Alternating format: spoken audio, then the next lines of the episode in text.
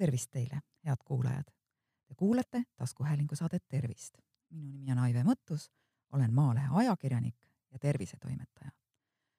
üleeile hommikul voodist tõustes tundsin ma, et selg on pisut valus ja natuke nagu kange ka. meenus aastatetagune juhus, kui ma ühel hommikul üldse enam püsti ei saanud tõusta. üleöö oli selga tekkinud tohutu valu, mis kiirgus jalga ja võimaldas liikuda ainult kuidagiviisi väga ettevaatlikult ja küürakalt mööda tuba ringi lohisedes. sirgest ja korralikust astumisest polnud juttugi. nädalapäevad pidin toona voodis lesides arvuti kõhu peal tööd tegema. aga aega võttis, kuid asja sai. valu kadus tänu liigutamisele. ja kuna maikuu lõpul tuleb perearstidel tegeleda seljavalukaebustega rohkem kui kogu ülejäänud aasta jooksul kokku, nii nad kinnitavad, siis ongi tänase saate teemaks alaseljavalud ja võimlemine.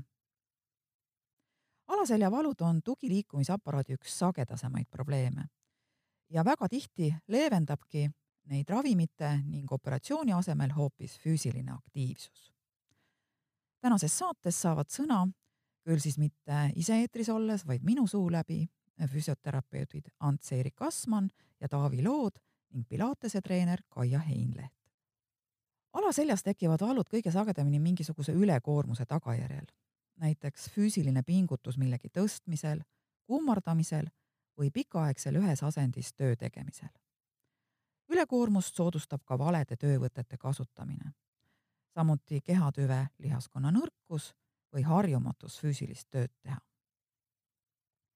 teiseks oluliseks alaseljavalude põhjuseks on sundasendid, mis kaasnevad erinevate tööde või ametitega no näiteks auto- ja bussijuhid, kes istuvad väga palju või ametid, mida täites tuleb pidevalt tõsta raskusi madalalt kõrgusest.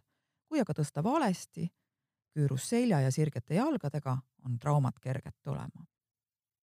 seda, mis seljas täpselt juhtub ja valu põhjustab, ei olegi nii lihtne üheselt öelda. uuringute kohaselt on alaselja valu isegi kuni üheksakümnel protsendil juhtudest mittespetsiifiline. see tähendab, et kui uuringutes osalevad inimesed, kelle ainsaks kaebuseks on alaseljavalu ning muid tervislikke probleeme neil ei ole, siis nende puhul ei ole suuri ühiseid tunnuseid, mille järgi saaks kindlalt väita, et valu põhjustab just üks kindel asi. kui oled väsinud, halvas tujus või vaevled stressi käes, võib sellega kaasneda ka valutundlikkuse tõus. seega valu tekkimise ja anatoomiliste struktuuride vahele ei saa kindlat võrdusmärki panna võimlemisest on füsioterapeutide hinnangul aga praktiliselt alati seljavalu puhul abi. see säilitab kehatüve lihaskonna jõudlust ja toonust ning äh, aitab hoida lülisamba õiget asendit, ühtlasi kaitsta meid ealiste või degeneratiivsete muutuste eest lülisambas.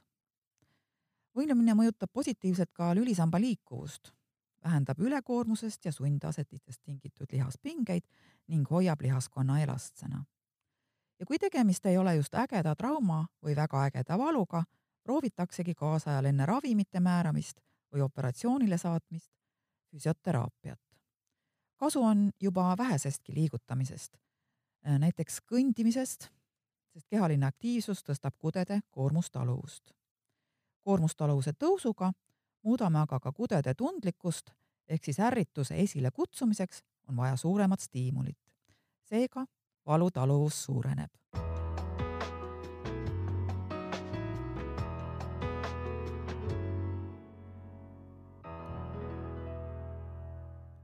harjutusi tuleb füsioterapeutide sõnul teha nii palju, et valu enam igapäevaselt ei segaks. alguses tuleb natukene tihedamalt teha ja kui koormustaluvus hakkab muutuma, ning sellega ka valu vähenema, siis hõredamalt. kõik see on muidugi väga individuaalne ja mingeid kindlaid harjutuskordi nimetada on raske. kuulata tasub sisetunnet.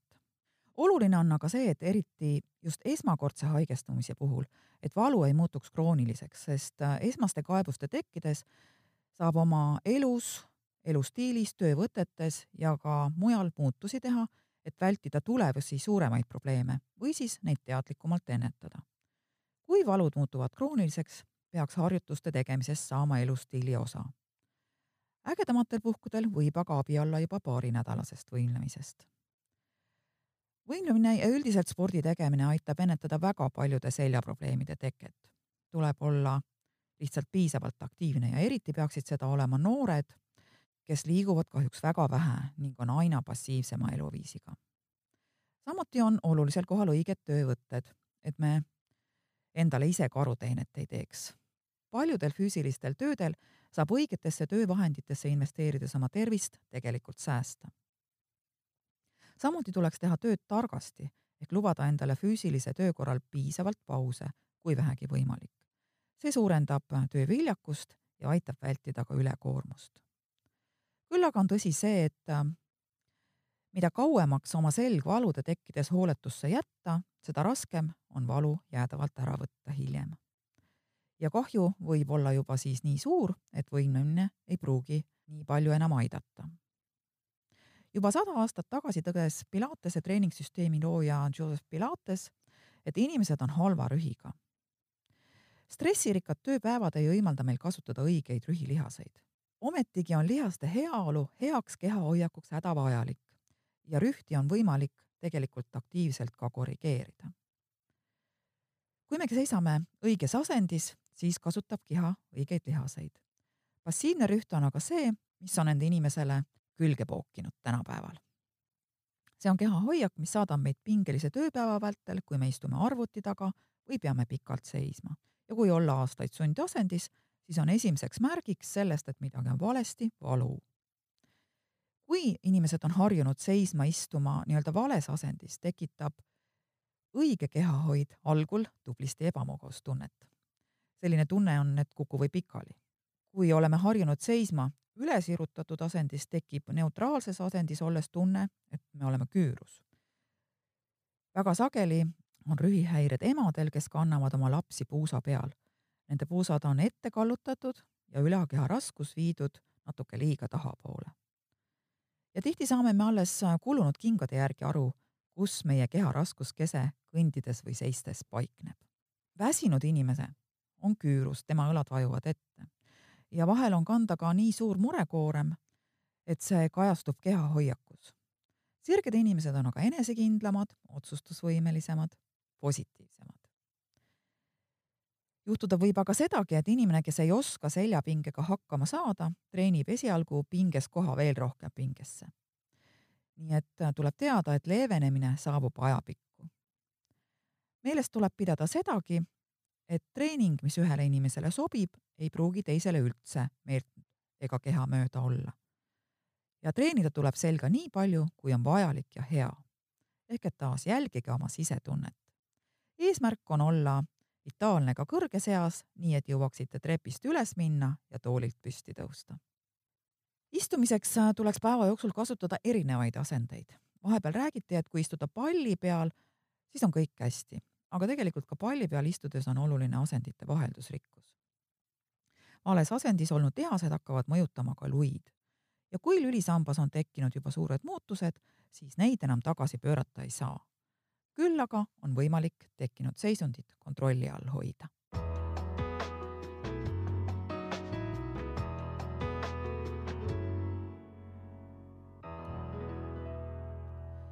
milliseid harjutusi siis seljale teha? toon mõned näited. lama selili, sirgete ja natuke harkis jalgadega ja pinguta samal ajal tuhara lihaseid ning tõmba kõht sisse. hoia sellist asendit vähemalt kolm sekundit ja korda siis. üsna mitu korda võib seda harjutust järjest teha. teine harjutus, siruta kõhuli lamades käed pea kohale ja proovi tõsta korraga vastaskäsi ja vastasjalg üles ning hoida paar sekundit. seejärel vaheta, pea püüa hoida mati kohal, nii et vaatad alla ja ära tõsta jalga ega kätt väga kõrgele. ja üks väga hea venitusharjutus ka Lamasellili võta põlvedest kinni ja painuta põlvi rindkere poole, kuni tunned seljas kerget venitust. hoia seda asendit kakskümmend, kolmkümmend sekundit. lõdvesta siis ja proovi uuesti. ning ka mõned töö tegemise soovitused, eriti just aiatöö jaoks. raskuste tõstmisel jälgi reeglit, et painutad jalgu, mitte selga, ehk siis kükita parasjagu nii madalale kui vaja ja tõsta raskust jalgadega, mitte seljaga. kui maad kaevad, siis äh, ära võta seda tööd ette liiga märja ja kõva maaga ning ära püüa kogu peenart korraga üles kaevata, ikka natukene. nii et äh, kaevad, siis sirutad ennast, teed vahelduseks muud tööd ja siis kaevad edasi. kuidas õigesti ja selgesäästvalt kaevata? Äh, löö labidas eesmise jala lähedal maasse ja suru see maa sisse pigem keha raskuse kui lihasjõuga.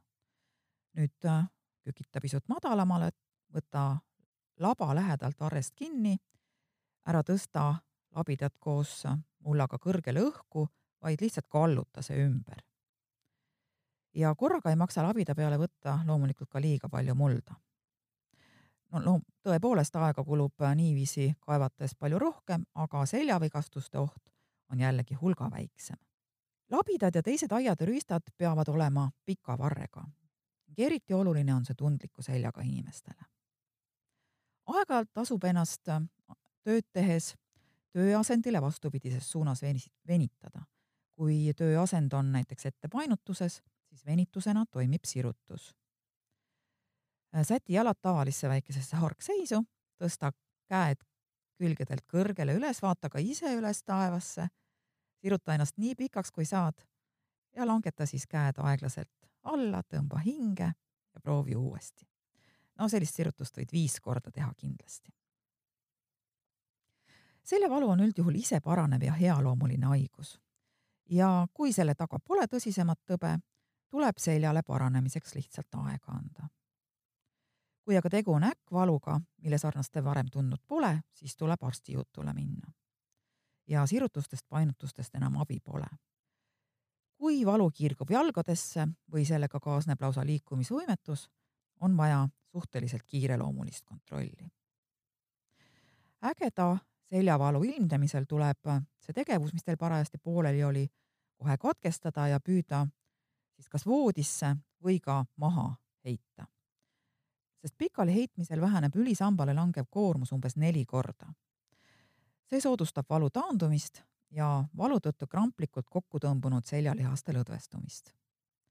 seliliasend on ülisamba koormuse vähendamise seisukohalt kõige tõhusam. esialgu proovige lamada ilma padjata. kui aga valu on ikkagi tuntav, pange padi pea ja vajadusel ka põlvede alla, et ei tekiks ülesirutust ülisamba nimme osas. Kui valu kiirgub jalga, võite labajalgade alla asetada padjakuhja, nii et puusad ja põlved jäävad täisnurga alla. see võte aitab vähendada survet istmikunärvile. erandiks on aga trauma, näiteks kukkumine, ootamatu põrutus või jalgade tundetuks ja liikumatuks muutumine. siis ei ole vaja kuhugi roomama hakata, ei voodisse ega mujale, vaid on vaja paigale jääda ja abi kutsuda. head kuulajad Te kuulasite taskuhäälingu saadet Tervist. saate leiate Delfi podcastide pesast tasku, nutirakenduste Spotify, Apple Podcasts, SoundCloud ja teised. hakake jälgijaks ja kuulake just teile sobival ajal. ettepanekuid teemade kohta, mida saates käsitleda, ootan teilt e-posti teel aadressil tervist.maaleht.ee. minu nimi on Aive Mõttus, olen Maalehe ajakirjanik ja tervisetoimetaja. tervist teile!